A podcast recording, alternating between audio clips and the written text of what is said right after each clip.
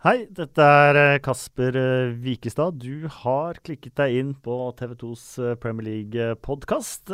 Det syns jo jeg er veldig hyggelig. Um, det var altså så bra gjester i dag, Thomas Myhre og Simen Stamse Møller, at vi har delt episoden i to. Så den du er inne på nå, da skal vi snakke om runden som har eh, vært. Den kommende runden. Litt Champions League og selvfølgelig fun facts og kaktus og blomster og sånt noe. Så kos deg med den. Den andre delen, da mimrer vi med Thomas eh, Myhre, som har antageligvis flere klubber i England enn de aller fleste nordmenn på CV-en sin.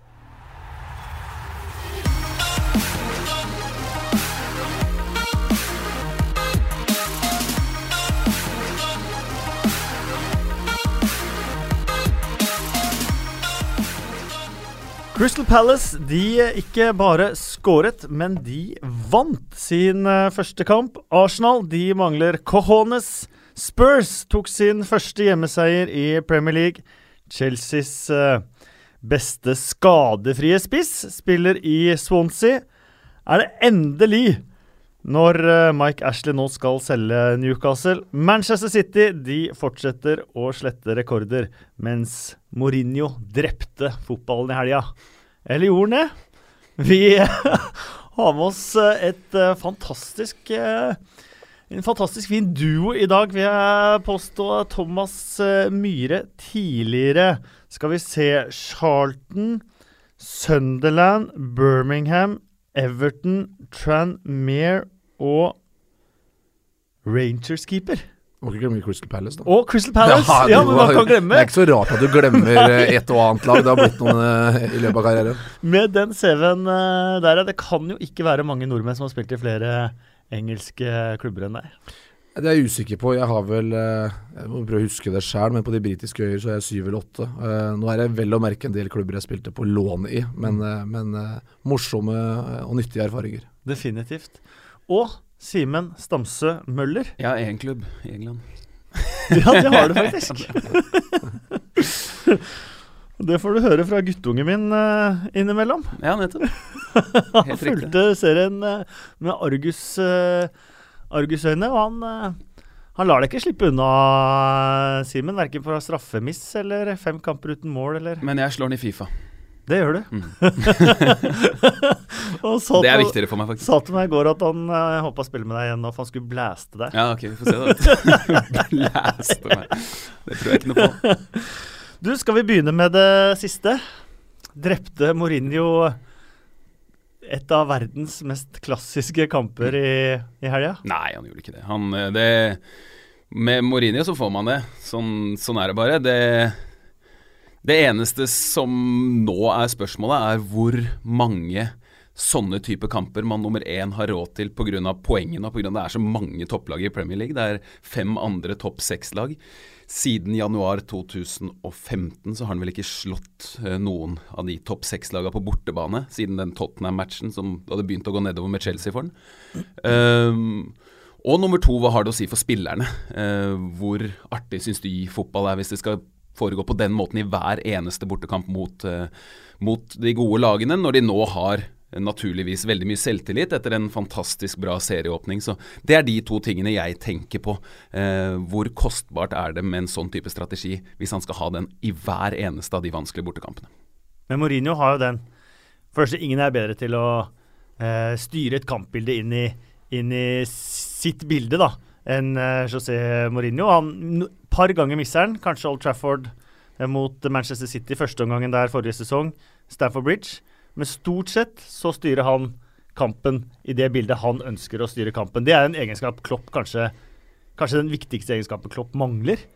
Eh, ja, det er en balansegang på det, selvfølgelig jeg. da. Fordi at Når du ser på statistikken som Simen nevner, så, så, forventer du kanskje at et lag som skal være oppe og kjempe helt øverst, kanskje av og til tar disse seierne på bortebane.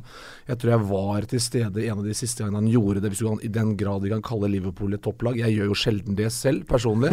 Men uh, når han parkerte bussen på Anfield Road og de vant 2-0, faktisk uh, produserte 1,5 målsjanse. Men uh, jeg så den samme statistikken du nevnte, og det er klart at det Det er jo en utfordring eh, hvis du skal, nå som det er så mange store topplag, si at han, har, han møter fem av dem på, på bortebane. Hvis du ikke klarer å ta én en eneste trepoenger. Det er snakk om å vinne ligaen, ikke sant. Det er jo ikke, det er ikke noe annet. Det er snakk Nei, det er... om for Manchester United denne sesongen, og Manchester City som er så bra, og som vinner borte mot Chelsea. Og med alt det Hvis man ser alt det under ett, så, er det jo det er, det er, jo Man er jo nødt til å ta noen borteseiere. Og eh, ok, jeg tenker at Manchester United er favoritter mot, eh, mot Arsenal eh, borte, tenker jeg. Eh, umiddelbart, i hvert fall nå. Ja. Men ellers, mot de andre topp seks-lagene, så, så, tror jeg de skal få Og, og det er jo Men Mourinho sitter og ser 38 kamper på sommeren. Ja, klart, men... Og så plotter inn. Mm. Og ett poeng på Anfield. Helt nydelig. Ja, men det er det. Det er, kjempe, det er, et kjempegodt resultat. Men da er man avhengig av å fortsette å rade opp, spesielt Hvis vi tar utgangspunkt i at Manchester City kommer til å fortsette å de, de, de, er enda bedre enn forrige sesong, for de har fått mer bredde, de har mer klasse, de kjenner hverandre bedre. Vi kan snakke mer om dem etterpå, men, eh, men, men da er de avhengig av å ikke ikke gå på noen sånne eh, blemmer mot litt dårligere lag Manchester United. Og man har sett ok, de har vunnet 4-0 i mange kamper, men i del av dem så, en del av dem så har det levd til 75. minutt, til og med borte mot mm. Swansea f.eks., hvor det er plutselig en ball i tverrleggeren og litt sånn der. Så da har man kanskje ikke råd til, til noen eh, smeller, da. Eller i hvert fall mye færre enn det de hadde forrige sesong.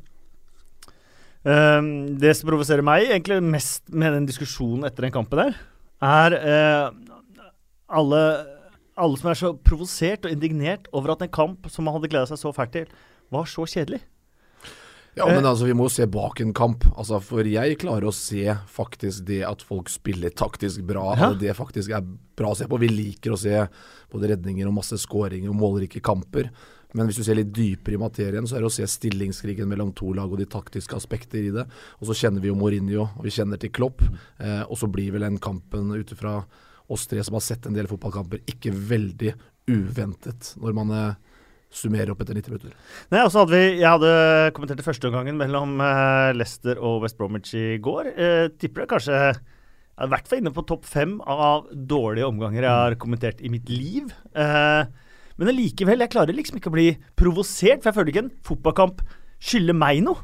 Eh, at, at, jeg kan sitte her og ha krav på å bli underholdt på noe vis, spesielt ikke hvis jeg er nøytral. Også, eh, ja, så, men også, har det jo litt å gjøre med hvilken fotball er det man følger med på. da. Her, vi, vi sitter og snakker om engelsk fotball. Eh, den kampen du kommenterte i går, det er en vaskeekte engelsk fotballkamp. Da, man kan ikke forvente det helt store. Hvis man sitter og forventer det helt store av den kampen, så kommer man til å bli skuffa mange ganger i Premier League. Sånn er det bare. Og med Liverpool-Manchester United òg, som, sånn som jeg ser det, ikke er blant eh, verdens syv kanskje åtte beste lag. Uh, og, og, da, når taktikken er så bra, så vil underholdninga synke fordi du har ikke de spillerne som plutselig bare kan sånn Neymar eller Messi eller, eller flere fra andre som, som, som, stort sett er andre steder. Eden Hazar, du har de som kanskje Mané kunne ha gjort det, Pogba kunne ha gjort det. Men når de i tillegg er borte, så, så, blir det eh, ganske stillestående. Jeg syns at den kampen ga meg en del fordi jeg så eh, noen tegn på saker og ting. Forskjellen fra forrige, forrige sesong, da, den type samme kampen, så syns jeg faktisk at Liverpool ser litt bedre ut. Eh, det kan ha vært dagsform. Det kan ha vært uh, utvikling, men jeg syns Liverpool ser ganske mye bedre ut i den kampen enn de gjorde forrige sesong. Og det uh, får meg til å tenke at Klopp har kommet litt lenger. Så får vi se i de neste kampene. Nå er det borte mot Tottenham i neste. Det er også en sånn nøkkelkamp nå for Liverpool. Hvor mye kan de ta med seg prestasjonen fra Manchester United-kampen inn i den matchen? Plutselig så kan, de, så kan alt det være kasta bort. Men uh, Mourinho han skylder jo på Klopp for at han ikke var mer uh, offensiv. Fordi at uh, han satt og venta på de offensive byttene til, til Klopp for å kunne kjøre kontra. Og Klopp var forsiktig, han òg. Vi skal ikke glemme det. Klopp tok få risker, tok ingen av de offensive byttene. Pusha ikke på for seieren og skal greie 1-1 i målsjanser. Han, altså Mourinho har jo rett. Mourinho har jo rett, og, og sånn det, En ting er at Mourinho legger ofte samme, eller den type kampplanen for for de store kampene, men han pleier jo også å vente, spesielt når det andre laget skal ha initiativ. Så venter han, og så kontrer han. Så han har jo en plan klar. Han har jo sett for seg hva Klopp skal komme og gjøre, og, og, og så gjør han eh, motgrep til det. Så han, han, har jo rett i det, og jeg syns jo at eh, Men, det, men det, er, det, er, ikke noe å klandre Klopp for heller? Nei, det er ikke noe klandre, men det, det, man, det jeg syns han sier litt mellom linjene, er at som Klopp har blitt kritisert for tidligere, Liverpool, hvis de ikke har momentum, hvis de ikke kan spille på den måten de er best på, hvis de ikke får en del rom for kontra en del og sånn, så, så, er de ikke så innmari gode, altså. Men det er spennende å se på da to som jeg mener, managere i den øverste klassen i verden, faktisk. Hvor de sitter egentlig og har analysert dette her ned i senk i forkant. Mm. Har fjorårets kamp friskt i minne. Venter egentlig på at den ene skal gjøre et trekk Mm. som den mener kanskje er et feiltrekk, og har mottrekket. Det er nesten som et parti sjakk. ikke sant? De står og ser på hverandre. Det er ikke noe overraskelser. Og tenk så nøye de har gått inn i det, og så ender det opp med remis. Hvor det ikke Ganske kjedelig satt der og, og, og venta, selv om det er jo noe av det nydelige med spillet også her, og så se hvordan de utarter seg. Så kan si at det var ikke all verden med sjanser og slike ting som det, men eh, det er jo ikke veldig overraskende med de to i stolen i det hele tatt heller, for du vet at de har analysert dette her så grundig i forkant. Og to andre mestere eh, før eh, landslagspausen. Manchester City borte mot eh, Chelsea. Det var jo lenge en 0-0-kamp. det. De, de nulla hverandre ut ganske mye. Og så måtte det, apropos verdensklasse, en sånn liten greie til fra De Brøne der som, som gjorde at Manchester City vant kampen. Eh, en som var missing in action. Du eh, nevnte spillere som kunne avgjort det på egen hånd. Eh, man har kanskje trodd at Lukaku er en sånn en. Eh, og så har man jo snakka så mye at Lukaku blir borte i storkamper. Så jeg eh, gikk gjennom det i går, bare denne sesongen, forrige sesong og sesongen før der. På 24 kamper eh, mot topp seks i Premier League. Som han har hatt da over de siste drøye to årene. Dere kan få tippe mange mål han har. På 24 kamper. Vi snakker om en fyr som skårer over 25 mål i Premier League forrige sesong. Tipper eh, åtte. Han har fire mål på sine siste 24 kamper mot topp seks i eh, Premier League. Og da har jo Det er helt vilt Og da har vel likevel Everton også scora noen mål i de kampene, tenker Ja, jeg. De har jo de, tatt de noen aller fleste av de fire er jo mot Manchester City. Mm, mm. Ja, han, han har ikke skåra på, på Anfield. Nå fikk han jo en god sjanse, det var en nydelig angrep, da, Ja. Men, men, men det er jo en dårlig avslutning. eh, så kan man legge så mye man vil i det, jeg gjør ikke det. Men, eh, men han har jo hatt eh, bra sjanser før han har skåra i mange av kampene sine hittil også. Så det, det Han er jo ikke Han har ikke vært eh, så dødelig som enkelte andre spisser i, i Premier League denne sesongen. Det Bare man ser på antall avslutninger også, så, så, så er det jo sånn det er. Og så, og så må de faktisk ha en spiller som, som skårer i de kampene også, Ja. Manchester United, for å vinne ligaen. Det er, jo, det er jo sånn det er når de legger en så god plan, og de andre gjennomfører så bra. Skårer Lukaku på den sjansen, ok, så er han jo et geni, da. Ja, Det er de to beste spillerne som ble borte, Mkhitaryan og Lukaku.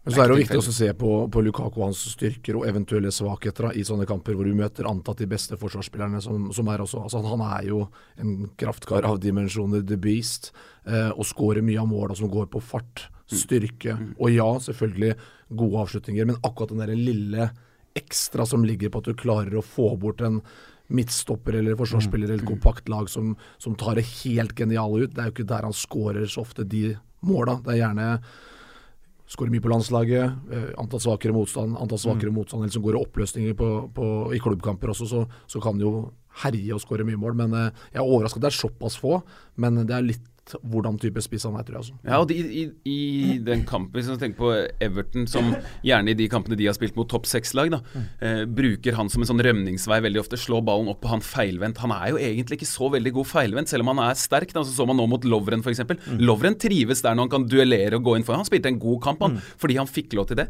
Jeg skylder mer på de andre spillerne på laget på Manchester United i denne kampen, at det ikke er flere som får spilt av det øverste presset til Liverpool. Og så kan de angripe i rom, for da kan Lukaku vende opp, og med, som Thomas sier, rom foran seg. Når han, får, når, når han har nesa mot mål, og forsvarsspillerne må rygge, så, så er det nesten helt umulig å hanskes med. ikke sant? Men han fikk jo ikke gjøre det i den eh, kampen, her, bare et par-tre ganger, og da ble det faktisk ganske skummelt. José Mourinho øh, han var ikke snau i sin omtale av Paris Saint-Germain. Uh, han har en kontrakt som det er nå drøyt halvannet år igjen av. Um, har vi kommet dit blant managere òg? At det er sånn flørting med andre klubber for å få dobbel lønn og ny kontrakt og Eller er dette et isolert tilfelle av akkurat det? For nå Nei. det kom jo eh, for en del år siden så at spillere skal flørte med andre klubber, og så kommer ny kontrakt og fem år, dobbel lønn, bla, bla, bla. Men er vi der blant managere nå? Det tror jeg definitivt vi er. My, ja, men mye pga. åssen landet ligger. Og det kan man det kan man, man kan skylde det på mye rart, men det er jo ikke isolert sett den enkelte manager sin skyld. Det er jo landskapet, det er jo sånn det har blitt. Det er jo uh, fullstendig gjennomtrekk av managere.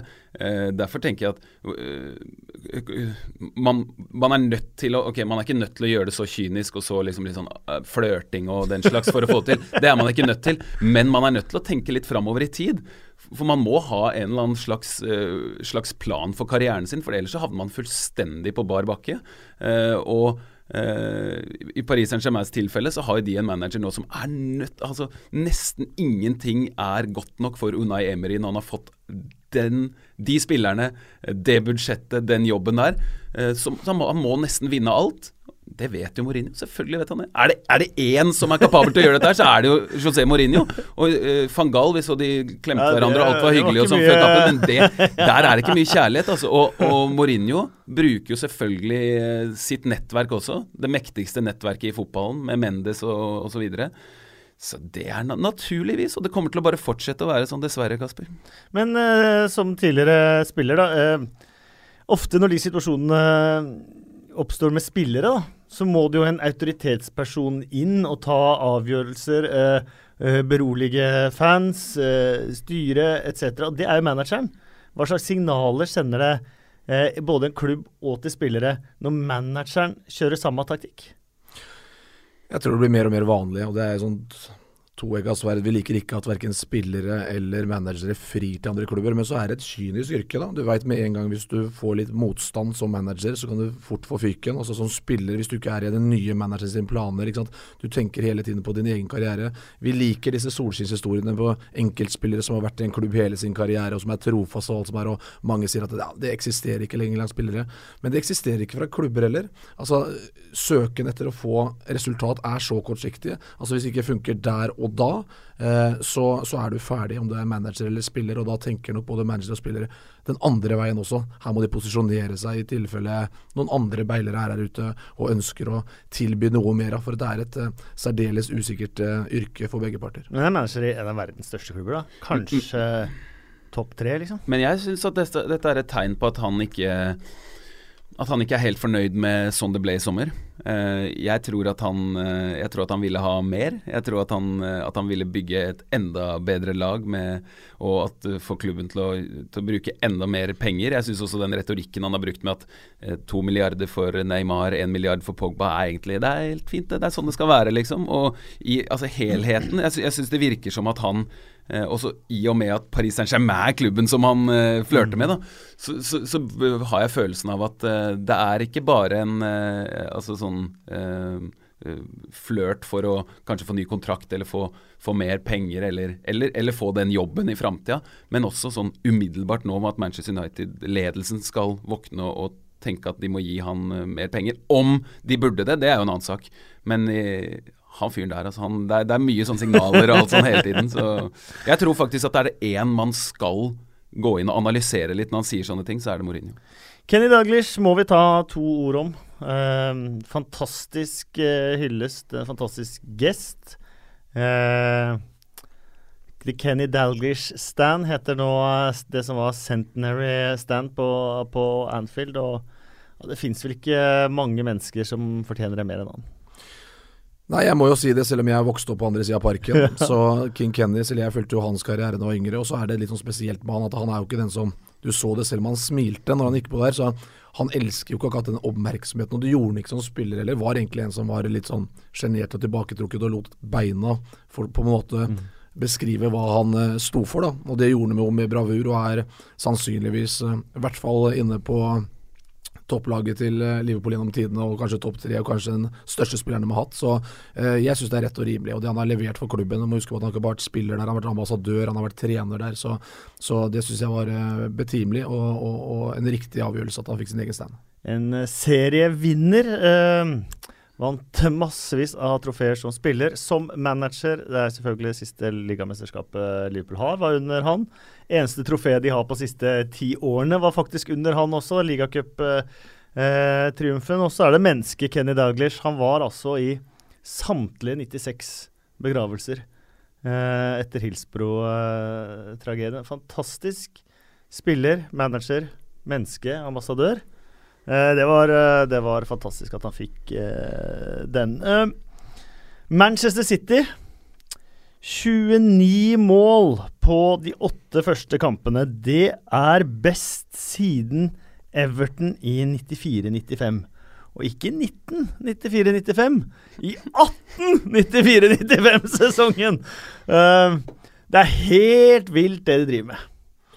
Ja, Så leste jeg vel noen sånne greier om at uh, rekorden i Premier League-historien er 103. Uh, hvis ikke tar feil, og de ligger an til 136, uh, hvis de fortsetter i samme. Vi kan ikke regne med det, men måten de gjør på det, ser så lekende lett ut. og Jeg føler nesten at de bedriver en annen idrett i forhold til angrepsfotball, da, mm. som blir be, be, spilt på, på Øyrike om dagen. og det, det, er moro å se på det. Moro å se hvor langt de kan bringe det ut i Europa. altså.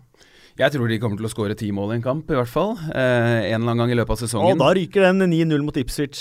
Ja, men jeg tror det. Ja. Dette her er laget som kan, kan, gjøre det. Ikke fordi at jeg nødvendigvis lar meg rive sånn veldig mye med av eh, av Manchester City, men jeg ser også på de lagene de møter at de ser faktisk prega ut. Jeg syns Stoke nå, den inngangen til kampen, den bar pre preg av frykt, altså. Det var, det var skikkelig sånn Skal de ikke prøve litt mer. Men når du har de lagene som ikke er uh, Burnley og uh, ja, West Bromwich, og som, som, som, rett og slett vet med 100 sikkerhet sånn skal vi se ut, mm. liksom, og vi vet hvordan vi skal gjøre det til punkt og prikke, så kan det bli skikkelig stygt. Og eh, jeg er ikke i tvil om at jeg aldri har sett Manchester City bedre offensivt enn det jeg gjør nå. Det har litt å gjøre med at Guardiola har fått tida si. Det har litt å gjøre med at de unge spillerne har blitt litt eldre. Jeg syns de ser fotballklokere ut. Eh, på grunn av, eh, av Guardiola og at de har spilt sammen litt lenger. De virker som at de forstår alt mye mer i år enn da det så bra ut i starten av forrige mm. sesong. Eh, Raheem Sterling f.eks., som, som jeg har stempla som fotballdum før, syns jeg faktisk begynner å se mer og mer intelligent ut i ja, måten han Ja, den 3-0-skåringa var ikke dum. Nei, men, ja, ikke men i, ja, nei, i, i, timingen, når han ankommer, når han skal spille, når han skal gå selv, når han skal skyte, når han skal passe. Jeg syns at, eh, at, at han er en ny spiller denne sesongen. Så må vi, eh, som gammel keeper, eh, gi en bitte liten eh, kvast her til Jack Butland. Uh, Gordon Banks var ute og sa at Butland må være Englands nye nummer én. Og nå er det på tide at han, Joe Hart trer til siden og han fikk stå den ene landskampen. Så kommer han tilbake, og så For en ung keeper å slippe inn sju etter det. Ja, det er beintøft. Jeg, veldig, jeg syns Jack Butland er en strålende keeper. Det var morsomt å si at han fikk spille. Det var vel litt litt borte mm. nå når de var klare. Um, og han er vel sannsynligvis den med, med, Pickford som kommer til å konkurrere om den plassen, og Butland ligger hakket foran. Men det som er litt spesielt med City også, føler jeg da som gammel fotballspiller, det er når du ser en spiller kampene, så stopper de ikke på 4-0. Altså De fortsetter som om det er en sånn five-side-trening hvor det ene laget er overlegent det andre, og så er det jo five-side-skåringer, for det er jo klikk-klakk, klikk-klakk, så plutselig er det to med åpen kasse. Så, så, de har det derre De bare fortsetter å rulle, og derfor kommer de til å skåre mm. masse mål. Jeg blir ikke overraska, jeg heller, som du sier, at de plutselig putter tosifra i, en, i en match. Eh, men, men for Jack Button, jeg syns han besitter de fleste kvaliteter som er eh, som keeper. Og er jo engelsk i den type keeper han er, og det er Pickford også, du ser jo. Det er en annen type keeper enn det du ser på kontinentet. Men eh, det er på tide snart at uh, Hart uh, må abdisere, selv om jeg syns at han redda det med den siste landskapen han spilte, faktisk med en, en dobbeltredning hvor han fikk et kakk i hodet også som var helt enorm. Ja. Så var han ikke like god på hjemmebane i kampen før det. Men det er klart at han, han begynner å bli eldre, kommer sikkert til å være med i manesjen en god stund til. Men at de unge gutta banker på, det er bare rett og rimelig. Men kan det knekke en litt? Nei, det tror jeg ikke. For du ser hvordan de måla kommer, så er det sånn av og til så må du bare slå ut hendene og si at vet du hva, dette, ok, du og gjør det beste du kan. Han så fryktelig frustrert ut bak der etter hvert. ja.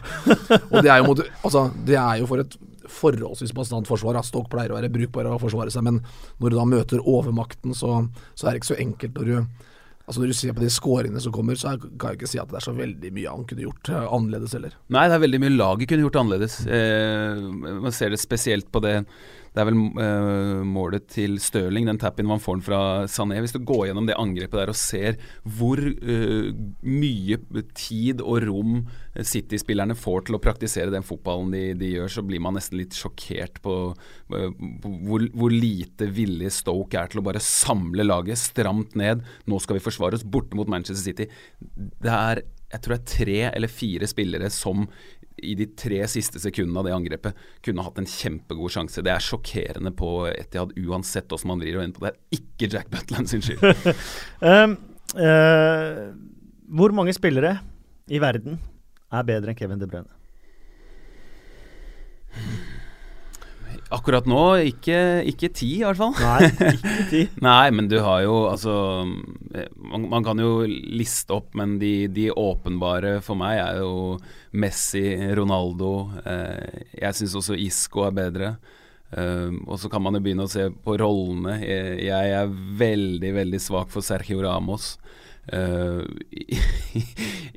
og så bak der så er det jo ganske jevnt, da. Og han er jo i superduper form, aldri spilt bedre. Uh, har så mange ting å spille på, og er så god i de forskjellige fasene av spillet og de forskjellige stedene på banen. Han er liksom god i det oppbyggende spillet, god når det skal avgjøres, god til å skyte selv, god til å legge fri, god i kontringer, god uh, mot etablert. Han er en ganske komplett midtbanespiller, altså. Uh, som et sånn Hvor mange andre i verden kunne slått ned pasningen til Sané på 6-2 der, da? Der er det ganske åpent. altså Den mener jeg faktisk Jeg er enig, den er nydelig, men det tror jeg ganske mange kunne gjort. Uh, jeg jeg syns det er mer hele spekteret hans som, som, imponerer. Det er en nydelig pasning, altså, men jeg tror at akkurat når ballen ligger sånn som det er Men han kikker opp så fort, han gjør det i en sånn rytme som får det til å se helt nydelig ut. ut. Mot altså. så å si etablert. Mm. Voff. Ja, Definisjonen av springs to defense. ja, ja, altså, ja, han har den derre svinge pendelen-greia som mm. Beckham hadde også, i tillegg til alt det andre, hvor han er selvfølgelig mye bedre enn det Beckham noensinne var. Jeg tror det er viktig som du sier, altså ha med rollen på laget å gjøre. Jeg syns fortsatt nå flyter han opp på en bølge som er fantastisk, og han er jo en strålende spiller. Men hvis du ser stabiliteten som enkelte det andre har, der har han fortsatt litt å gå på, syns jeg. da. Når du ser hva altså Messi kan ha en dårlig kamp, det kan Ronaldo ha også, men allikevel så leveres det hele tiden. En Ramos. Jeg vil jo putte inn Lewandowski, mm. som er den uh, mest effektive spissen i Europa. Altså Han er på femteplass gjennom tidene i landslagsfotballen, og han bøtter inn mål for Bayern München. Men igjen en helt annen rolle. Så, så det er klart det, det, ligger et spekter der oppe, og det er litt på hva du liker selv personlig. Og så er det vanskelig å klassifisere hvem er det som akkurat er best på den kantrollen, den boksåpneren, ja. den målskåreren, den eh, optimale spilleren. Vi har, vi har nok fortsatt to som troner på topp, og så får vi diskutere herfra til månen hvem som er best av de, ja. men i det sjiktet som ligger bak der, så syns jeg han eh, eksisterer. Det man kan si Topp top verdensklasse, ja, jeg, jeg, tror han kunne Jeg tror han hadde fått spille på uansett hvilket lag i Europa akkurat nå. Så er jo det mm. Altså Når vi så sånn Real Madrid har vært med den midtbanen tidligere, så det ville kanskje vært vanskelig, og de måtte lagt om formasjonen litt, men jeg tror søren meg det Zidane hadde funnet plass til den. Altså. Uh, vi må uh, snakke to ord om målfeiringene til Manchester City. Um, har dere lagt merke til hvordan de gjør det? Eh, De Brøne, eh, For det første så snakka han jo etter, etter, intervjuet at ingen går ego på dette laget. her. Alle er pass and move, pass and move, pass and move. Og uh, der uh, Troy Dini tar straffe og peker på sitt eget navn Og der Cristiano Ronaldo stort sett jubler mest for sine egne skåringer. Har dere lagt merke til Manchester City? Hver gang de skårer, så peker de på han som sendte pasningen. Mm. Det er sånn det skal være, det. Er det en nøkkel? Det er sånn det skal være. Det er, om det er nøkkel, det er jo det er sånn det skal være. Ja?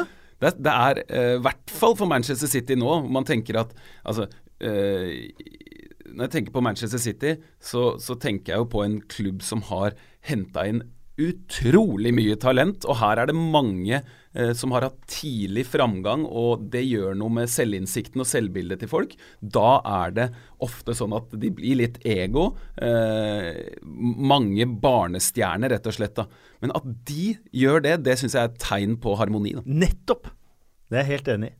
Og så er det jo uansett med de verdensstjernene som er, så er jo kollektivet som betyr mest. Jeg vet ikke om det er noe Guardiola har lagd føringer for, men det er jo fint å se, da.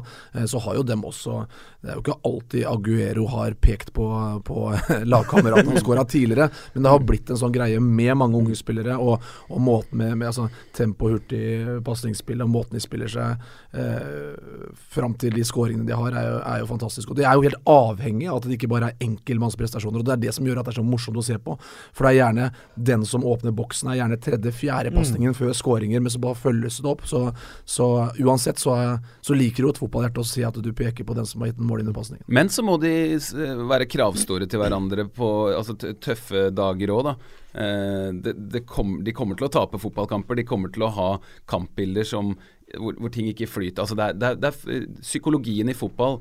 Eh, så, vi vet jo at de kommer jo ikke til å være så gode nå, eh, nei, som de er nå hele sesongen. Sånn er det jo bare ikke. Og det er jo ikke nå man egentlig skal være god, det er jo fra februar og ut. ikke sant? Så, så det blir jo testen å se hva på vanskelige dager, hvordan er harmonien og moralen da? Eh, både i Champions League og i, i, Premier League. Jeg gleder meg veldig til Nå er vi, sitter vi her tirsdag morgen. Eh, Napoli, Manchester City. Det er få kamper som det kiler mer av akkurat nå enn en den kampen. Og hva hvis de blir spilt av litt der? Hvis, altså, kommer de til å samles på samme måten i motgang, tenker jeg. Det syns jeg er veldig interessant. Eh, for Manchester City har slitt med akkurat det. Så må vi bare to ord om eh, målfeiringen til Gabriel Jesus. Eh, for det første heter han Gabriel Fernando. Jesus har tatt noe for han er veldig kristen. Og det samme med nummeret 33 på ryggen er vel den alderen eh, Jesus var i da han ble, ble på korset. og så har han den han ringer i telefonen. Har du lagt merke til det?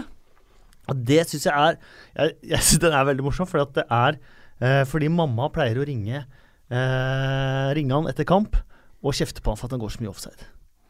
Eh, så, så, når han da scorer, så tar han den telefonen til, til mamma på banen med at 'jeg scora, jeg gikk ikke offside'.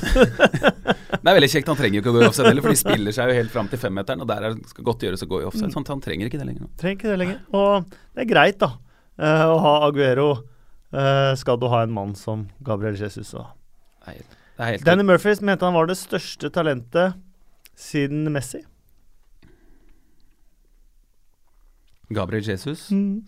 Ja, men da, det, ja, det, det, blir så, det blir så man, man har ikke oversikt over det. det. Er, men det er et vanvittig stort talent, det, kan man si. og, eh, og, fra talent til slutt Man vet jo ikke hva altså, er, Hvis dette her er enden, hvis han ikke blir bedre enn det, så ok, det, eh, da trenger jo ikke det å Da blir jo det en vanskelig sammenligning, mm. i og med at eh, da Messi var på den alderen Altså Ingen kommer noensinne, tror jeg, til å være så god som Messi var, til og med på den alderen. Uh, men vi kan jo si at i Premier League, i den alderen, å være så uh, dominerende fra sekund én, og egentlig hvert eneste minutt han ja, har spilt til nå, det er unikt. Mm. Så uh, man kan jo heller begynne å tenke på har, har engelsk fotball sett en så god ung spiller noen gang? Så har han jo vært igjennom den motgangen han fikk når han kom dit første gangen, hvor han var en åpenbaring til å begynne med. Men han ble jo tross alt skada. Mm. Og da får du motgang uansett hvor du ikke er på banen. Og disse spillerne i den alderen som flyr oppå disse skyene, de, de, vil jo bare spille hele tiden. Men han har jo vist at han har kommet tilbake sterkere fra det og har levert varen hele veien. Så, men han vil jo møte motgang, han også. Mm. Men det er morsomt hvordan de bygger opp nå med mange unge spillere som jeg sier, med fart. og Det er kanskje det som er med å bygge det kollektivet, hvor ingen føler at de er viktigere enn de andre. Da. Der har Guardiola fått til noe unikt. Crystal Palace satte rekord på rekord, de og motsatte rekorder av uh, Manchester City, uh, egentlig. Uh, null mål, null poeng etter sju kamper. Og så møtte de den regjerende mesteren. Og selvfølgelig, 641 minutter ut i sesongen, så måtte jo første mål være selvmål. Men fantastisk ja, for dem. Ja, absolutt. Um jeg, jeg, skal ikke si liksom hva var det jeg sa, bastant, men akkurat den kampen varsla jeg litt for da vi var på den fantasy-sendinga vår forrige uke, som du elsker så mye, Kasper.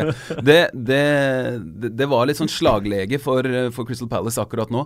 Før eller siden så må Altså, gruppedynamikk fungerer jo sånn at uh, når det går dårlig og dårlig og dårlig og dårlig, og dårlig så, uh, så blir enheten faktisk veldig ofte sterkere. Uh, mens hos Chelsea så, så, var det så mange spørsmålstegn rundt spillere rundt hvordan det ligger an akkurat nå, at jeg så for meg at det kunne gå uh, som det gikk. Men, ikke, men ikke, at, ikke, at, Chelsea skulle spille så dårlig at Crystal Palace skulle være så bra. For det overraska meg faktisk. Jeg syns, jeg syns, det var en kjempegod kamp av Crystal Palace. Men Var det Hodgson eller var det Saha? En kombinasjon. Han kom vel tilbake og fikk putta vinnermålet. Mm. Men vel, godt for Uh, de trofaste fansen på Sellers Park, for de er fantastiske ja. stort sett uansett. Jeg har vært heldig å spille der um, eh, sjøl for, for, Palace. Um, så det er en kombinasjon. Glad for at Palace selvfølgelig tar de tre poengene og endelig kommer opp fra den der fornedrende nulleren. Men, men, jeg må si at jeg var overraska over um, det, det, lave nivået til Chelsea også. Altså de, Det som på en måte rettferdiggjør et topplag, er at de Eh, de har et markant toppnivå, men at det, lave, det laveste nivået ikke er så markant. og jeg, Uansett om du har Morata ute, om du har Kanté ute, så, så mener jeg at det, de underpresterte virkelig. og Skal du være et topplag, så kan du ikke falle så dypt i, i, i løpet av sesongen. Nå kan det snu seg, men jeg syns allerede det jeg har sett hittil, vitner om at det blir ikke noe gjentagelse av fjoråret. Det er langt opp. Det er langt opp nå for Chelsea. Mm. Og det er uh, lenger ute i sesongen nå enn de var da de snudde det forrige sesong.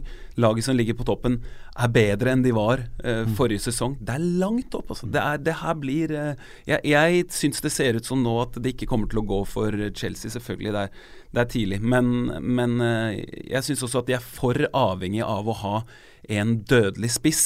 helt sikker på at Conte ville hatt en til som ikke var Bachuay, enda en. At han ville beholde Matic for bredden i troppen. Men eh, uansett så syns jeg det er akkurat nå for eh, få spillere som tar offensivt ansvar for Chelsea. Og de er for avhengig av, eh, av disse typene, som har X-faktor for Canté. Ingen spillere er som Kanté. ingen spillere, i, i, i, hvert fall i Chelsea sin tropp, er i nærheten av å være som Morata. Måten han beveger seg på. Må, den jobben de gjør. de har unike ferdigheter. Men allikevel Allikevel så skal de selvfølgelig slå Crystal Palace borte hvis de skal vinne ligaen. Og så føler jeg på en måte at det har skurra helt fra i sommer med Conte som ikke har på en måte fått inn spillerne sine. Det har vært selv om ikke han automatisk har sagt det, så har det vært mye spekulasjoner og misnøye. Vi vet han eh, Når han blir misfornøyd, så blir han ordentlig misfornøyd, og da kan han eh, ta hatten sin og gå umiddelbart. Og så ser du på bredden i deres tropp nå kontra de andre topplagene. De er ikke nærheten, føler jeg. Og da når du får viktige nøkkelspillere skada, så er de meget sårbare.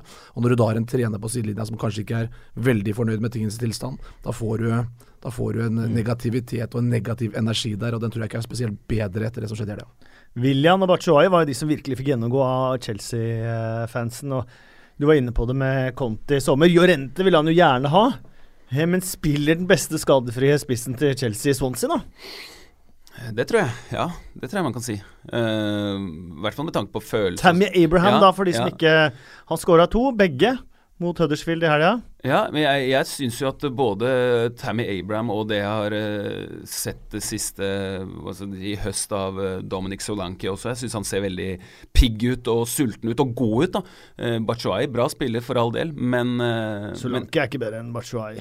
Nei, nei, men jeg mener de, det, hadde ikke, det hadde ikke hatt så veldig mye Nei, jeg tror ikke det hadde gjort Jeg tror ikke han er så mye dårligere om et år, da. Nei, så, og hvis, eh, hvis de hadde vært der, så hadde de Nei, det, Tammy Abraham akkurat nå nå er det jo Det er jo ikke bare vakre ting han gjør, og han Bachuay kunne gjort absolutt det samme for, for, Swansea. Men jeg tror det er ganske jevnt da, mellom Abraham og Bachuay akkurat nå. Jeg er skuffa over, eh, over han, eh, at han ikke har fått til, eller satt et mer klart og tydelig stempel på hvem han er enda enn eh, en det han har gjort, Bachuay. Men samtidig, da. Uh, han har vært en fyr som har sittet ekstremt mye på benk. Mm. Uh, I hvert fall også med tanke på prislappen. Conte endra aldri på laget, han fikk noen innhopp uh, her og der. Men han, han, han, har tatt vare på veldig mange av de sjansene han har fått. Han har kommet inn og skåra, han har skåra når han har fått starte, han har skåra viktige mål. og så kommer tapet mot Crystal Palace, han er uh, ræva. og plutselig Uh, det, er, det, er, ikke mange sjanser å få fra fans og andre da, før det bare Nei, du er for dårlig. Ja, men det er, det er, det er, typ, han, De kan ikke legge skylda på han, men jeg syns ikke det er en spiller som passer til Conte-fotball. Jeg, jeg syns ikke det er en Jeg synes ikke det er en han, han du, du, er helt avhengig av å ha større register å spille på uh, enn Bachuay har for å, for å være nummer én i et kontelag. Det mener jeg helt seriøst. Og eventuelt, om han hadde spilt ved siden av uh, Morata, det hadde vært én ting. Men Conte tar såpass mye hensyn at jeg tror ikke det kommer til å skje. Uh, og jeg tror også at han vil ha en på benken til hver tid, en spiss man kan putte innpå. Og da er det ikke mange i tillegg, hvis Bachuay og Morata skal starte. Hvem er, hvem er bak da? De, de, har jo ikke flere spisser, Chelsea, og det er jo kritisk. Kritisk uh, for Chelsea. Ikke så kritisk på Wembley lenger for Tottenham. Uh, det tok sin tid, og det var uh, verken vakkert eller overbevisende mot Bournemouth, men de vant nå 1-0. Um, ehm, er Wembley-spøkelset borte nå, eller er det Vi skal vente litt med å jage det ut av kriken og krokene? Jeg tror det var en befrielse med den seieren som var nå, men det var ikke overbevist. Altså det, der også så føler jeg at uh, av de matchene jeg har sett, og jeg har langt ifra sett alle, Eh, så varierer jo de, har de nøkkelspillerne de er avhengig av. Eh, når de leverer, så fungerer det. Men, men, eh, jeg tror nok ikke de er helt borte fra at de, de, spiller på Wembley kontra det som kommer til å skje på jeg vet ikke om det kommer til å hete White Hart Lane. New White Hart Lane, tror jeg foreløpig. Og de skal ha egen ostebar. Egen ostebar. Egen ja, ostebar. Kanskje det er det som, som gjør at de savner hjemmebane. Nei, Nei da, men, men, men, det er klart at Tottenham er en utfordrer ut fra den sesongen de hadde i fjor, men allikevel så føler jeg at uh, stabiliteten i deres prestasjoner hittil ikke har vært uh, i nærheten av det vi har sett fra de to som kroner øverst. Nei, jeg, jeg, holder, jeg holder, Tottenham som utfordrer nummer én til Manchester City akkurat nå. Ikke bare, ikke bare basert på det vi har sett uh, eller hva si, Manchester United de er ganske jevne, sånn jeg ser det med, med Tottenham. Men eh, så det er, det er, så viktig å få tilbake Moussa Dembélé. Eh, og få den Midtbanen deres har jo vært ute med Wanyama og, og Dembélé. Jeg syns Davinson Sanchez var strålende mot uh, Bournemouth. Jeg syns det er en kjempebra signering. Litt sånn uryddig og kantete. Men når de spiller med tre mann bak, kjempebra. Uh, Loris, endelig fikk han være matchvinner. òg. ja, det var en skikkelig matchvinner. Ja, og ja. Defoe hadde en i stolpen der på slutten. Og, og det var uh... Nei, ja, men jeg tror uansett Altså hvis Tottenham med det, det, Men det har jeg sagt hele tiden, så jeg, jeg står ved det. At jeg mener at de hvis, hvis, de kan ha alle mann på beina med det utgangspunktet de hadde med den manageren de har, eh, forståelsen, det grunnspillet eh, med Harry Kane, med de to andre Ally som ikke har kommet i gang helt, men Eriksen som spiller så bra. Så det er selvfølgelig igjen nøkkelkamp mot Liverpool til, eh, til helga. Der tror jeg mer man igjen kan begrave det der forbanna spøkelset, da. Men da har du en så stor kamp at hjemme mot Bournemouth, når de skaper noe og de vinner 1-0, så kan du ikke liksom si at det spøkelset er borte. Kane har jo ikke scora der ennå i, i, ligaen. Slo Barnsley med 1-0 òg ja, ikke sant. Men, uh, men uh, Tottenham er bra. Tottenham, Tottenham er, er bra. Og så brygger det seg litt opp en sånn konflikt som jeg uh, liker litt, merker jeg. En Pochettino-Guardiola-sak der. Guardiola kalte Tottenham the Harry Kane Team. og Pochettino, han var Det er lov å si at han var ordentlig forbanna på det. Men det er jo arrogant og stygt sagt. Mm -hmm. ja, det, er, det, er, akkurat det Pochettino sa òg. Ja, jeg, jeg syns det er helt enig. Respektløst. Mm. Og i hvert fall når du tenker på hva Tottenham står for. Da. Altså Det Pochettino har gjort der, mener jeg er et kollektiv. Ja, de har ikke muligheten økonomisk eller Som Guardiola har. Ja, til å også bygge. De de er, lavere på lønningene, har sine klare greier på det. Uh, ja, de er avhengig av disse nøkkelspillerne sine. De har ikke dobbeltdekning overalt. Men det sitter stort sett Guardiola gjør fordi at han benytter seg av ja, mye mer penger som han får uh, muligheten til, kontra hvordan synet er på hvordan Tottenham uh, drives som klubb. Som jeg syns er veldig sunt da, for fotballen generelt, og måten Pochettino er på. Så jeg også mener det, uavhengig om det er hvilken vei det er, så er det disrespectful mm. å gå til en annen manager og kritisere. I hvert fall når rammevilkårene er så forskjellige. Og, ja, rammevilkår, rammevilkår. Spilt med venstrebekk, engelsk venstrebekk til 8 millioner pund, eh, Guardiola. Nei, Guardi I Fabian Delf. Guardiola har løst et av, sine, et av sine store problemer. Har han løst ved å hente en etablert høyrebekk fra Tottenham for en halv milliard. Mm. Det har du gjort. ja, men, det er, det men, er, men, det er, litt artig konflikt, da. Hvis dette her brygger seg opp, og Tottenham skal henge Manchester City, henge med dem ut i februar, mars, april, og så står det mellom de to, og så begynner de å hate hverandre litt. Vi liker det. Jo, altså vi, vi, Og ikke minst å like det. ikke minst ja. i England. Hvis det er én ting som blir sagt litt feil, i litt sånn affekt når de kommer der inn, og så er det en som har sagt én ting feil, og så kommer det fra andre. Men eh, de er såpass eh, drevne i dette gamet her, så kan vi si at det kan være interessant for oss som sitter og diskuterer det på sidelinja. Og så, og så syns jeg likevel at eh, det å gå ut og kritisere en annen en i den grad han kritiserer veldig, da. Men det gjør gjenstand til at det blir et litt munnhuggeri. Og det, vi lever med det, og det er hun helt sikker på at dem gjør også. Ja. Um, en som ikke eh, lever så godt, i hvert fall ikke uten uh, spiss uh, at Du har et bankende Everton-hjerte, Thomas. Det må gjøre det gjør vondt for de som ikke har et bankende Everton-hjerte å se på Everton. Eh, Makan til seig og tung materie Ronald Coman har utpå der nå. Eh, en spillerstall satt sammen uten en plan. Eh, en spillerstall med klare mangler. En et lag uten fart. Uh, jeg, hvor skal man begynne? Nei, og det er, det er, litt sånn Jeg følger jo Everton av naturlige årsaker, og jeg var veldig happy når Koman kom inn. Uh, jeg liker i utgangspunktet den fotballen han står for, og det han har levert tidligere. Men nå er vi ordentlig nedoverbakke, altså. Og det jeg så på liksom Vi starta sesongen med veldig tøff motstand. Er jo det eneste mm. laget som har tatt meget heldige poeng mot City, mot Timan City mm. på bortebane. Men i det siste, når du ser mot Apollon Limassol og Burnley på hjemmebane, klarer ikke å prege kamper. Det går fryktelig treigt. Eh, og det er en en frustrasjon som ligger som en mørk sky over Goodison. Fordi at eh, ja, en forstår at det er et vanskelig program til å begynne med, men vi har blitt avkledd i flere kamper, og vi ikke ikke klart å, å levere i de kampene, spesielt på hjemmebane mot lag som en absolutt bør slå. Så kan du si det sånn med Vi mister Lukaku, som var viktig, og, og, og en spillerstall som eh, ikke er veldig, veldig forsterket. Men det er mye negativitet rundt der nå. Jeg følger jo med på hva lokalavisene og pressene sier, og sånn, og det er allerede spekulasjoner om at uh, han kanskje er på vei bort. Jeg håper jo ikke at det skjer. Jeg syns at det er altfor uh, ja, kortsiktig, men allikevel, det bør virkelig snu innom ikke altfor lang tid ut ifra de ambisjonene som ligger her. Men, men å ha øh, Ikke kjøpe spiss, øh, annet enn Sandro.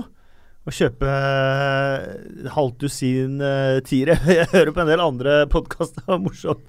Uh, husker ikke hvilken av de som, uh, hvor de snakka om at uh, da de endelig fikk tilslaget på Gylfi Sigurdsson, så hadde de jo fått alle de Clasen, Rooney og sånn. At de da uh, ikke bare avslo å kjøpe Sigurdsson da for å være høflig, når de allerede hadde budt. Det virker jo nesten litt sånn. Altså, jeg syns det mest kritiske med Everton nå er at det er såpass gjentagende.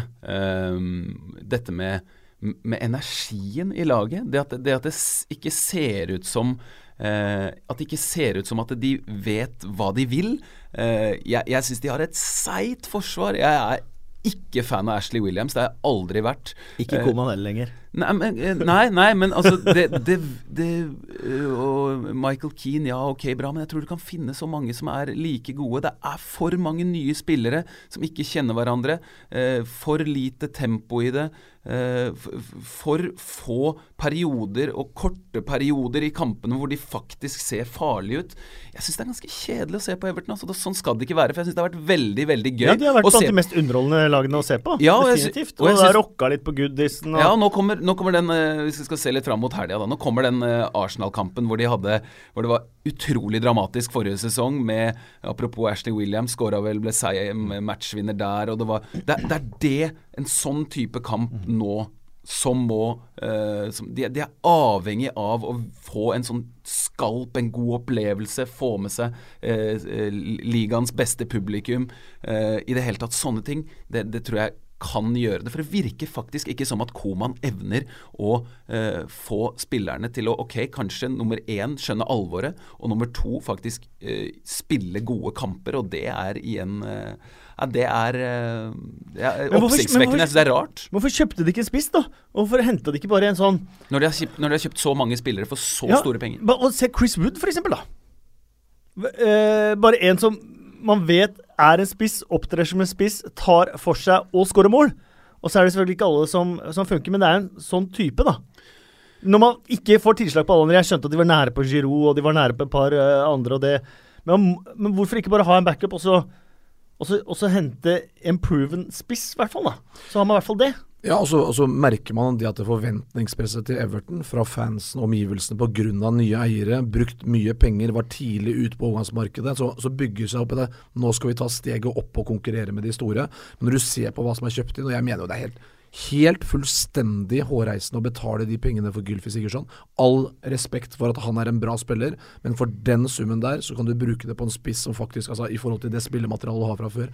Eh, ja, vi har fått Wayne Rooney tilbake. Jeg føler at det er en, en, bra og litt nostalgisk greie, men du kan ikke regne med at han skal banke inn kasse på kasse etter det som eh, eh ble vist i, i, United. Vi vet at han ikke er i samme kaliberet som han var før. Eh, for meg så virker det helt uforståelig, selv om de prøvde masse å spisser. Der har de ikke gjort en god nok jobb. og det bærer sesongen hittil preg av. Arsenal ledet 1-0. Du kommenterte matchen, eh, Simen. Watford kom tilbake, vant 2-1. Eh, et uh, nøkkelinnhopp der var Troy Dini, fengselsfuglen, som var såpass grei da han spilte playoff-finale at han ga noen av billettene sine til et par av fangevokterne, som han ble godt kjent med da han var i fengsel. Uh, han har vel selv uh, det man kaller cojones. Uh, han mente Arsenal ikke hadde cojones, at han hadde sett for seg Eh, par av Arsenal-gutta gitt med et par smeller i starten, se hvem som var villig til å ta igjen, og det var ingen, og da ble det veldig enkelt. er Arsenal et lag som mangler cojones? Definitivt, og gjort det i lang tid, i mine øyne. Det er Eh, ja, finspillende på sitt beste, og gjerne på hjemmebane, men det er klart at eh, enkel materie for de lagene som faktisk kan benytte seg av den eh, problemstillingen da, å gi noe, så, så er ikke et samla kollektiv eh, som leverer når, eh, når det virkelig begynner å blåse. Og Det syns jeg det har vært preg på gjentatte sesonger, og det gjør det dette året her også. Ja, da, eh, Den straffesituasjonen blir jo selvfølgelig avgjørende, men det er ikke det som gjør at, eh, at Arsenal driter seg ut eh, igjen.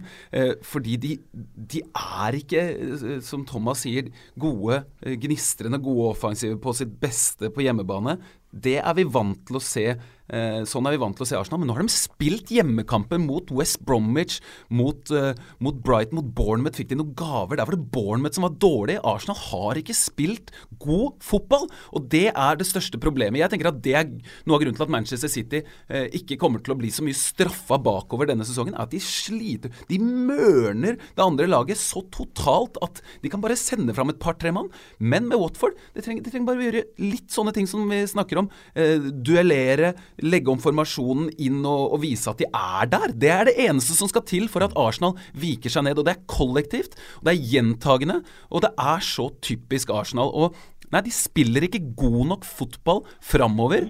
Eh, og det gjør at det nesten uansett en eller annen gang i kampen, eller flere ganger i kampen, skapes store sjanser mot Arsenal. Jeg vet at de har holdt nullen i fire kamper, men i de fire kampene så har søren meg West Bromwich hatt noen perioder, og eh, Brighton er Brighton. West Bromwich eh, De skapte de, de, Til og med Bournemouth også, De burde ha scora.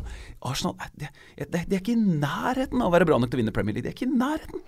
Hvis du sitter her, da, er en typisk Burnley, Huddersfield, West Brom, Stoke så er det ikke sånn som tidligere hvor du frykter Nå frykter jo Stoke å møte City pga. det offensive spillet, som kanskje var et kjennetegn og et stempel på Arsenal langt tilbake i tid. Nå er det jo en drøm å møte Arsenal. Det er bare å gå ut og så, og så face dem og gjøre enkelte spilleregler på i forhold til hvordan, hvordan en skal ta det, det kollektive. Og så, så, er Arsenal et lag som, som, ikke faktisk er i besittelse av det Troy Dini sier. Og, dette, og nå er det, dette er et stort problem med Alexis Sanchez, Mesut Özil. Klart og tydelig at Wenger har lyst til å ha sine disipler utpå der. De som er på lengre kontrakter, de som vil gjøre en innsats for laget, de som har passa borte mot Chelsea i eh, den nye formasjonen. Eh, i, i, det hele tatt så, så, tror jeg at det kommer til å bli et kjempeproblem eh, for, altså integritetsmessig for Wenger nå. Hvem skal han bruke? Hvem skal han eh, sette på banen? Skal han spille med de som faktisk er, apropos verdensklasse, oppe og toucher Alexis Sanchez, eh, sånne spillere? Eller altså, vet han kanskje noe vi ikke vet? Forrige torsdag på en pressekonferanse Han har vært sånn derre eh, eh, Nei, ingen kommer til å dra fra den klubben. Her er alt bare fryd og gammen. Ingen kommer til å dra. Nå hørte vi at han sa at det kan godt hende at de kommer til å eh, kutte ned på kostnadene og kvitte seg med Øzil og Sanchez i vinter. Hvilken... Problemet til Øzil nå er at ingen vil ha Øzil. Ja, ok, men ja, jeg tror det. Men hvilken, hvilken tilstand Uh, altså, Hvor lenge har Wenger igjen, og hvilken tilstand kommer Arsenal til å være i den dagen han eh, trer tilbake? Han har hatt et par gode anledninger nå til å bare Ok, vunnet FA-cupen. Mm. Nå, nå, ser det i hvert fall ganske bra ut, eh, tilsynelatende. Og så trekke seg tilbake. Men hva nå? Mm. Hvem, nei, hvilke spillere skal han hente inn for å erstatte de som jeg snakker om?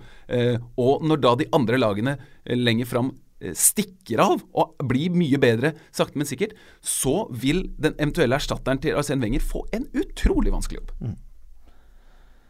Uh, er det deilig å høre Troy Dini uh, snakke fra leveren? Det er ikke så ofte vi uh, har Premier League-spillere lenger som bare sier det som det er. Ja, jeg, jeg føler med alt det som vi har av sosiale medier, selv om det er klare restriksjoner på hva du sier der, altså, så, så, må det være lov å si noe. Så altså, kan vi diskutere liksom hvor Eh, hvor mye respekt det ligger i det. Men er jo, jeg syns han, han, setter fingeren på noe som er essensielt i, i forhold til det med Arsenal, i hvert fall. Så jeg er, ikke, jeg er, ikke, negativ til det. Og den som uh, var negativ til Troy Dini, det var hans egen sønn. Uh, han er Arsenal-fan og sendte SMS-en 'I hate you, dad'. den er tung. um, Vi skal straks til blomster og kaktuser og fun facts og sånn som vi, uh, vi pleier uh, her. Men uh, vi må jo snakke om den klubben som ble lagt ut til salg i går. Newcastle. Mike Ashley har vært ekstremt upopulær i, i Newcastle, spesielt blant fansen. Det har vært protester, og nå fikk noen noe, noe twittermeldinger fra Newcastle-fans i går som bare dette var julaften og 17. mai på én gang, og det var ikke måte hvor bra det var. Eh, og jeg svarte han ene at uh, må passe på at dere ikke får noen kyllingprodusenter fra India Mm. som, uh, som eiere.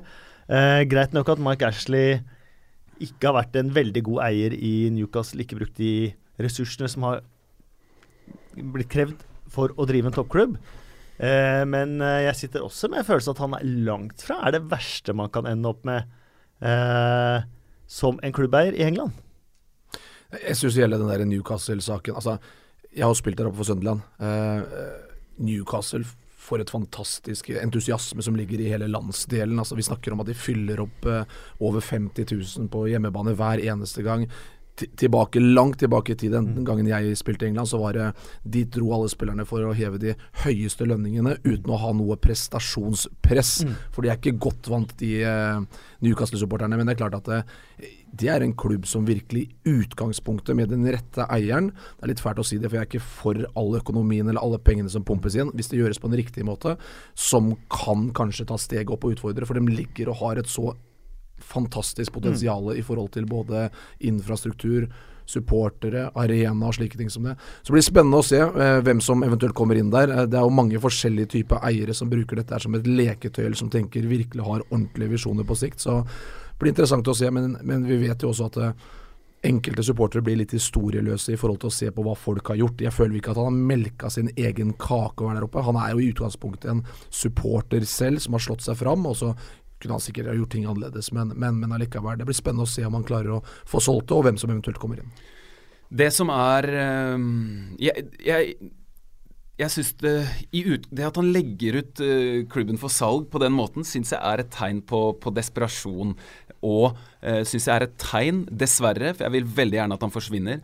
Eh, et tegn på at, ehm, på at eh, han ikke har fått Altså hvis noen fordi nå er det såpass attraktivt å eie en Premier League-klubb at hvis han ikke har fått noen på en måte seriø- Det har vært den dårligst skjulte hemmeligheten i, eh, der oppe, i hvert fall, i de, de siste årene, at han vil ut. eh, og at han vil ha eh, 400 millioner, eller hva det er, pund for klubben. Eh, men, men nå får vi se da om hva hva den kan kjøpes for, men det er en god del seriøse eh, aktører som har meldt sin interesse ved eh, forskjellige eh, tilfeller. Du har hun Amanda Stavely som var på plass og så Newcastle-Liverpool, som var, eh, sto bak eh, overtagelsen av Manchester City for Abu Dhabi-gutta. Prøvde seg med noen fra Dubai i Liverpool, det funka ikke. Men etter det så har det blitt ganske stille, og det syns jeg er bekymringsfullt at hun som jeg, jeg lurer på om hun også er, om ikke Jordi, som hun er der oppe fra, og hun, hun eh, det, det, er, er et eller annet som, som skurrer litt der, og plutselig var det snakk om at hun, eh, hun, at hun, hun har jeg tror det er 20 milliarder pund til rådighet og har eh, oppgave å få kjøpt en engelsk klubb. Og da har man jo litt å velge, da, antagelig. Men Viggen er også til salgs. Ja, det koster ja. bare 15 millioner pund. Ja, ja, men ikke sant. Og, så er det snakk om at ok, hvis, hvis, hvis det skal være kinesere som har vært veldig villige, så er det denne uka eh, oppe til vurderingen. For der har de stansa i Kina. Southampton, der var det siste eh, stedet kineserne kunne kjøpe seg inn. For nå er det ikke lov lenger i Kina å, å kjøpe fotballklubber utenfor landet. Men presidenten skulle ha noen møter nå denne uka, så der kan det plutselig åpne seg en mulighet. Jeg tror dette er tima av Mike Ashley. Da. I tillegg så har du hva snakk om han eh, som eier Craft i, eh, som, og New England Patriots, eh, tror jeg der. Jeg tror at for å sette halen på grisen, ikke det er noen fare for at det er cowboyer som kommer inn nå, fordi det er såpass attraktivt. Og som du er inne på, Thomas, dette er en klubb med veldig stort potensial Um, og mulighet til å faktisk Fordi skal man være med, så må man henge på nå. Jeg tror dessverre at det går dit hen at europeiske storklubber kommer til å samles etter hvert. Og nå er det topp seks eh, i, i England. Det er liksom siste toget som går nå, føler jeg, hvis eh, det skal bli enda en sånn supermektig klubb i England. Og Newcastle har muligheten til å bli det med de rette investorene. Ja, det blir enten Newcastle eller Norwich, føler jeg. Ja, det kan bli Norwich. ja, det kan det. Antagelig.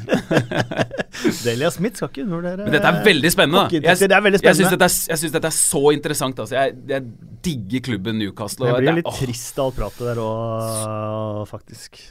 Ble litt deprimert av å høre deg prate nå, Simen. Ja. Dette er eh, superliga og ja, jeg topp seks. Vi må videre. Og, ja. Det er spennende, altså, men fader heller. Ja. Det var ikke denne veien det skulle gå. Nei. Nei, det var ikke det. Men spennende det for Newcastle-supportere. Det er definitivt en annen podkast. Er dere med på å gi ut noen kaktuser og blomster og noen varianter? Jeg har forslag til dere, hvis ikke dere har Du uh, er god på forslag, da. tenkt på noe selv. Det var moro å se på. Morata var kjempegod. Hva i all er meg. Han snakka ikke om seg sjæl, han snakka om dommeren. Så vi begynner med kaktusen, kanskje. Ta det fra Watford-Arsenal-kampen. Kommer Eh, uh, igjen, da? Eller filming igjen, er det det? Nei, nei. ok. Nå er det faktisk eh, Granit Xhaka. Ja, den, ja.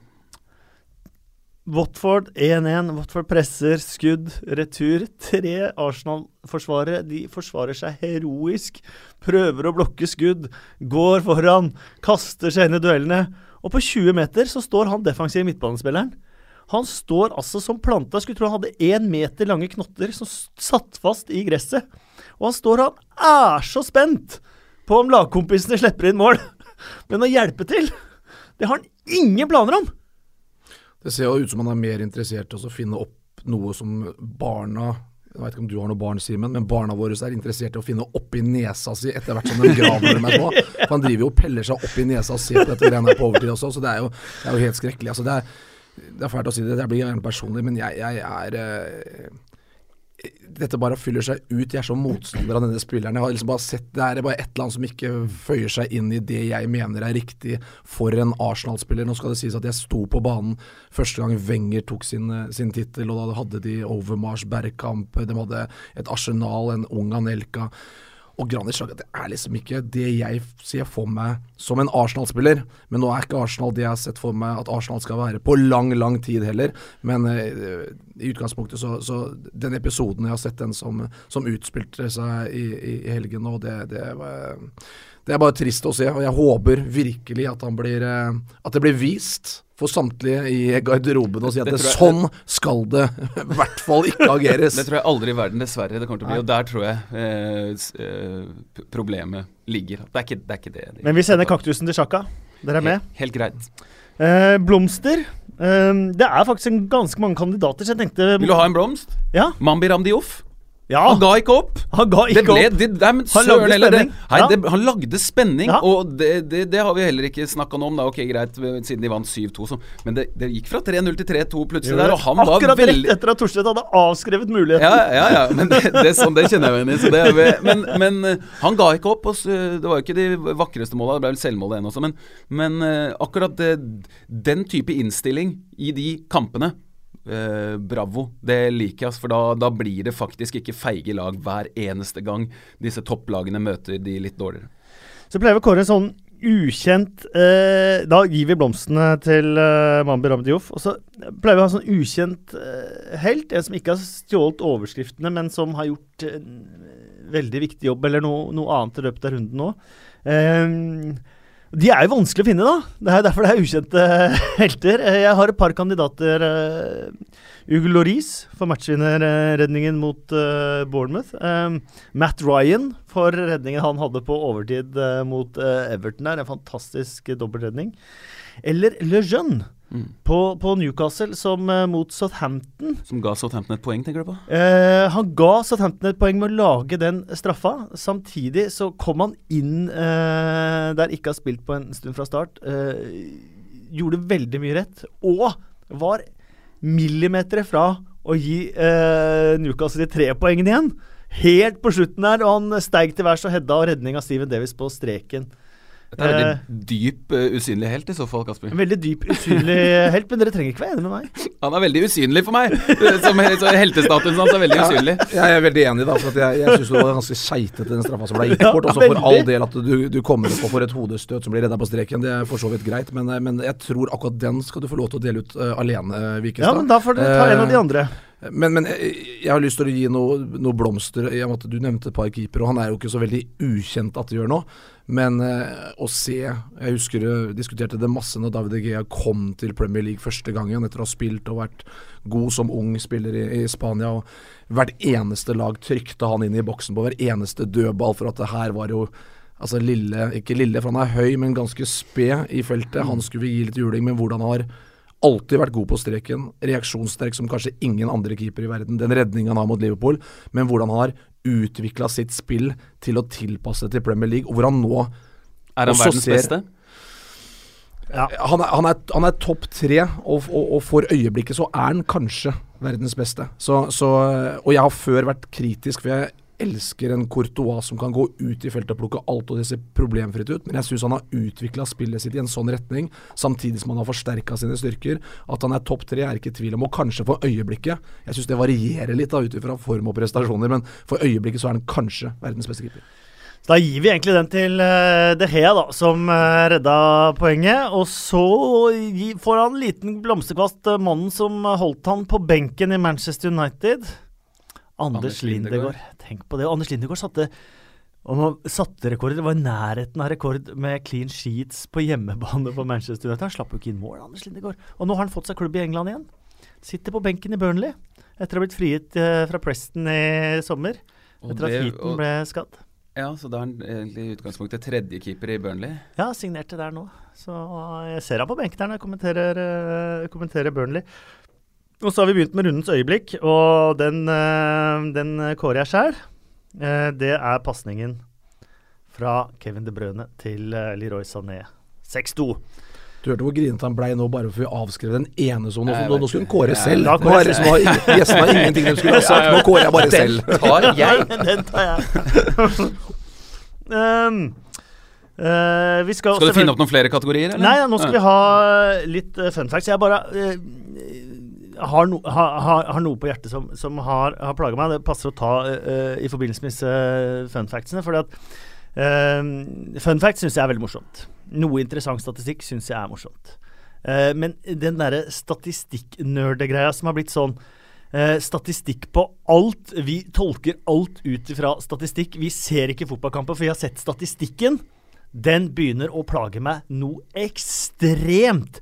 Nå skal ikke jeg henge ut noen, men jeg så en match her om dagen hvor kommentator ut fra første omgang eh, sier at det ene laget har vært statistisk bedre enn det andre. Hva i all verden betyr det? Har ikke kommentatoren selv sett denne første gangen og sett hvilket lag som var best? Har det noe å si hvem som hadde flest skudd på mål hvis det ene laget har skutt 20 lomper fra 20 meter? Det, ene laget har vært statistisk bedre enn det andre. Og jeg hørte på en annen som snakka om et lag som har gjort det bedre enn forventet. Men så bladde fram masse statistikk som viste at nei, de har gjort det skikkelig dårlig. Et lag som ligger på øvre halvdel, som er tippa til å rykke ned, har gjort det dårlig, for statistikken sier at det har vært dårlig. Nå må vi begynne å se fotballkampen og se det laget er bra, det laget er ræva, og det laget scora flere mål enn det andre. Og det er det viktigste som skjer ute på en fotballbane. Vi kan ikke begynne med det her at nei, de fortjente ikke fordi at de hadde så og så mange cornere eller så og så mange skudd på mål. Og det har plaga meg, så nå fikk jeg det av hjertet. Var det deilig? Takk. Åh. Jeg bruker disse tirsdagene litt på, på å helbrede meg selv. Ja, jeg begynte å bli, altså Nå begynte jeg å bli litt sånn redd, for nå begynte han å bli aggressiv. Ja, det gikk fra at jeg arresterte den på den ene, eller vi var litt sammen om det, han kameraten som kom inn på Newcastle, i forhold til disse blomstene. Og så dro jeg inn på DG, og da bare tok han det med. Ja, da gir vi den blomsten i Ja. DG. Og så var det bare Dere er borte. Og så kom Men den nå etterpå. men- men- Thomas rygga Jeg stoler med hjul. Og ruller bakover Men her, etter at jeg fikk ut denne presentasjonen den ene gang første gangen, så bruker jeg tirsdagen nå som terapi. Så nå tar jeg én ting som irriterer meg hver tirsdag, og så bare får jeg det ut av hjertet. Så åh, deilig harmoni. Det, det, det, jeg, jeg, jeg er jo enig i veldig mye av det du sier, bare for å ha det sagt. Um, det fins mye bra statistikk, og ekstremt mye som er bortkasta. Uinteressant Ja. tulle... Nå må ikke bygge den opp igjen. Ja, men derfor så er det jo det. Men jeg syns det er interessant for oss som jobber med det. Thomas eh, også når man sitter i studio og i, i, i, i forarbeidet og, og, og siler vekk det som er meningsløs statistikk. Da. Fordi man får i fanget sånne ting som at uh, den hadde uh, treffprosent på 94 da, i den kampen. Og så, og så er det akkurat som at det er et sånt stempel på at ja, han spilte en god kamp. Absolutt! Ingenting å si. Også, man, får, man får da sånne Man får høre uh, det, Den prosentvise delen da kan være en fyr som har spilt i 15 minutter i en kamp, på, på, på, og kanskje vært borti ballen syv ganger. Det står det ikke noe om, for det passer ikke, Fordi da har han ikke sett så bra ut. da Hvis du hadde sett at han hadde bomma på en av, eh, en av syv pasninger, eh, en av syv enkle pasninger, det hadde vært ganske ræva. Men eh, ja. Mm. Nok om det nå. Arsenals syv siste. Aldri skjedd! Første gang siden er den sjette spilleren. Fun factsene til Bill Edgar. Og da går vi over til uh, vår alles favorittmenneske, uh, Bill Edgar. Som selvfølgelig har samlet uh, sin runde med statistikk etter Eller fun facts etter runden. Og dette er jo mer fun, så dette her er jeg fryktelig, fryktelig glad i. Han har blant annet Eh, sett at Tottenhams eh, hjemmeseier på Wembley er den første eh, hjemmeseieren i ligaen til et eh, lag siden Laton Orient slo Southend i 1930. Det er eh, slettes ikke, ikke verst. Eh, av 42 lag i aksjon i de øverste to divisjonene, så var Manchester City det eneste laget som skåra mer enn to mål. Altså ingen som skåra mer enn to mål i Premier League eller Championship, bortsett fra, fra City. Um, og uh, de har nå i løpet av um, de siste fem kampene har de fire ganger skåret fem mål eller flere, og er de første til å gjøre det i samme sesongen i en øverste divisjon siden januar til mars 1947, da Doncaster slo Carlisle 9-2, Tranmere 5-3, Darlington 5-0 og Barrow 8-0. Det var øverste divisjon? Ja, det var veldig rart. Nei, de er de første til å ha gjort det i den øverste divisjonen, og de er de første i ligasammenheng mm. som har gjort det. Eh, siden Doncaster. Nå var du fryktelig smart. Nå var du smart. Nå var du smart! jeg begynte å lure litt der, jeg også. Um, og jeg følger var, med, iallfall. Ja, du følger ja, med. Og, um, og vi kan jo ta med da fra landslaget også at det spilte ikke en Harry på det engelske landslaget siden starten av 50-tallet til 2014. Mens mot Litauen var det tre harrier på banen. Det er ikke verst. Maguire, Winks og Harry Kane. Eh, Bill Edgar han er eh, eh, som sagt en av mine favorittpersoner, og da må vi også ta med Champions League-kampen som kommer mellom Napoli og Manchester City. Napoli har altså skåret like mange mål så langt denne sesongen. 26 mål på de åtte første Serie A-kampene. de har skåret allerede like mange denne sesongen som de gjorde i 97-98-sesongen totalt. Og Manchester City de har eh, allerede skåret flere mål denne sesongen enn de gjorde i 06-07-sesongen totalt. Og de to lagene skal møtes. Så er det bare å sette penga på 0-0. eh, det er eh, Vi eh, tar, tar, tar, to minutter selvfølgelig om, eh, om Champions League eh, nå. Det er, dette spilles inn på tirsdag. det smeller av gårde allerede i kveld med Maribor mot eh, Liverpool. Manchester City eh, mot eh, Napoli. Og Real Madrid mot Tottenham. Wow. How to choose! How to choose, Helt umulig. Det ble jo splittskjerm i uh, Man må jo ha ordentlig widescreen her. Det, er, det der er bra matcher, altså. Jeg, jeg så også Det er morsomt når, en, når Zidane går ut og sier at uh, nå skal vi bevise at, uh, at, La Liga er den beste ligaen, liksom. Da tenker jeg sånn Å, dette her ble jo Nå begynner det å bli det jeg, jeg. Ja, men jeg, jeg, liker sånn. Ja, men jeg liker sånn, da. Og jeg er veldig glad i Pochettino og måten Tottenham spiller Så er jeg veldig, veldig glad i også Zinedine Zidane og, og Real Madrid, i tillegg da den derre Napoli-Manchester City. Jeg kan si akkurat det samme om den. Jeg syns det er Det er liksom sånn uh, Det er ett lag jeg sørger for i, i Serie A for tiden å få med meg kampene til, og det er Napoli. De spiller eh, attraktiv fotball, må jeg si. Og jeg tror at eh, Dries Mertens, som jo er et kjent navn, kommer til å være vel så plagsom for Manchester Citys forsvar som det Kylian Mbappé var for eh, Monaco. Ja, Dries Mertens føler jeg også er Er han en av nå Europas Uh, kanskje mest undervurderte ja. spillere i, i ja, form av at han faktisk ja. er blant Europas beste spillere. Han, han, han er, han er Uten å liksom ha fått anerkjennelse for det ennå. Ja, fordi han var et sånt vidunderbarn som ikke, som ikke klarte å liksom slå til å erobre verden på forsøk nummer én. Og nå er han eh, Altså, det er bare For de som ikke se, ser så mye, så anbefaler jeg å, å, å kikke litt ekstra på han. Eh, Napoli klarte å beholde han i sommer, og det er nok mye av nøkkelen for at de nå er Åtte av åtte i, uh, serien har de vunnet. De skårer så mange mål. Han bøtta inn i fjor, han gjør det i år òg. Insigne, Callejon, så er de Hamsik der, de har uh, Georgi Nei, det, det, er et, det, er et, vanvittig Et herlig fotballag å, å se på. Det gleder vi oss Mertens eh, til. Og på onsdag er det Benfica, Manchester United, Chelsea, Roma og Celtic skal til Bayern München. Ehm, jeg så på Insta-storyen til Victor Lindeløf Han, han allerede er på plass i Lisboa. Han kommer jo fra Benfica. Jeg vet ikke om han får sjansen nå. Han har fått litt europamuligheter og sånt nå. Men det er jo Europa, disse engelske lagskapene. Fem lag. Hvor mange av de er realistiske å få videre? Chelsea må jo nesten satse snart. Eh, ikke må nesten satse snart, de bør satse på Champions League. Eh, definitivt, for det ser så lang, ser så lang vei opp i, i Premier League. Og for en triumf borte mot Atletico Madrid. Eh, Morata på vei tilbake. Jeg er veldig spent på om han spiller. Det har vært hamstringskade. Eh, og så kommer det så, to så viktige kamper. Roma tapte i helga, er litt såra. Eh, skal, de kan ikke tape mot Chelsea-Roma, så det er haug av interessante kamper. Og igjen så, så kommer det jo veldig tøffe matcher til helga for Tottenham, Liverpool eh, spesielt. da Og eh, United har en bortekamp. og eh, det er ikke noe walkover for Chelsea hjemme mot Watford også. Så det er en, det er en superinteressant uke i, eh, i Europa og i, i Premier League. Det eh, er det. Vi eh, konstaterer at søndagen er vel det vi kaller supersøndag. Everton, Arsenal og Tottenham, eh, Liverpool til eh, helga. Og så er det jo Chelsea må slå tilbake mot eh, Watford, Manchester United eh, mot eh, Huddersfield. Huddersfield.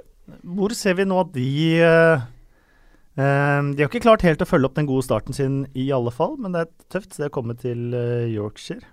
De kan ikke spille sånn som de gjorde mot Tottenham. Da taper de eh, med flere mål mot Manchester United.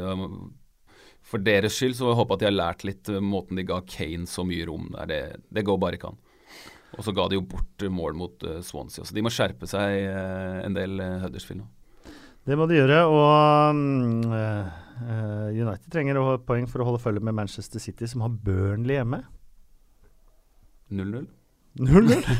Skal Burnley klare å stoppe, stoppe Manchester City. Vi gleder oss i alle Gjort det før, de. Det har de gjort. Vi gleder oss uh, masse til, uh, til det. Og så skal jeg bare ta med én liten korreksjon. Uh, du var her da vi snakka om Christian Eriksen som mestskårende danske. Jeg har fått mail og jeg har fått Twitter-beskjed. Vi slo fast at det var han jo sikkert også, selv om det ikke bare var Premier League-æraen. Vi glemte at Jan Mølby tok straffer for Liverpool. Jan Mølby er fortsatt mestskårende danske, bare så det er klart. 44 mål. Så er det uh, avklart. Det var eh, del én, så denne podkasten er uh, ferdig. Men uh, vi har jo da spilt inn en ekstra time med Thomas eh, Myhre. Så eh, der du finner din podkast, der finner du også en hel time med Thomas eh, Myhre som eh, mimrer om eh, sin karriere både med Paul Gascoigne, Slaven Bilic, Gary Speed og en haug av andre legender. Så last ned den også. Det kan jeg anbefale på det varmeste.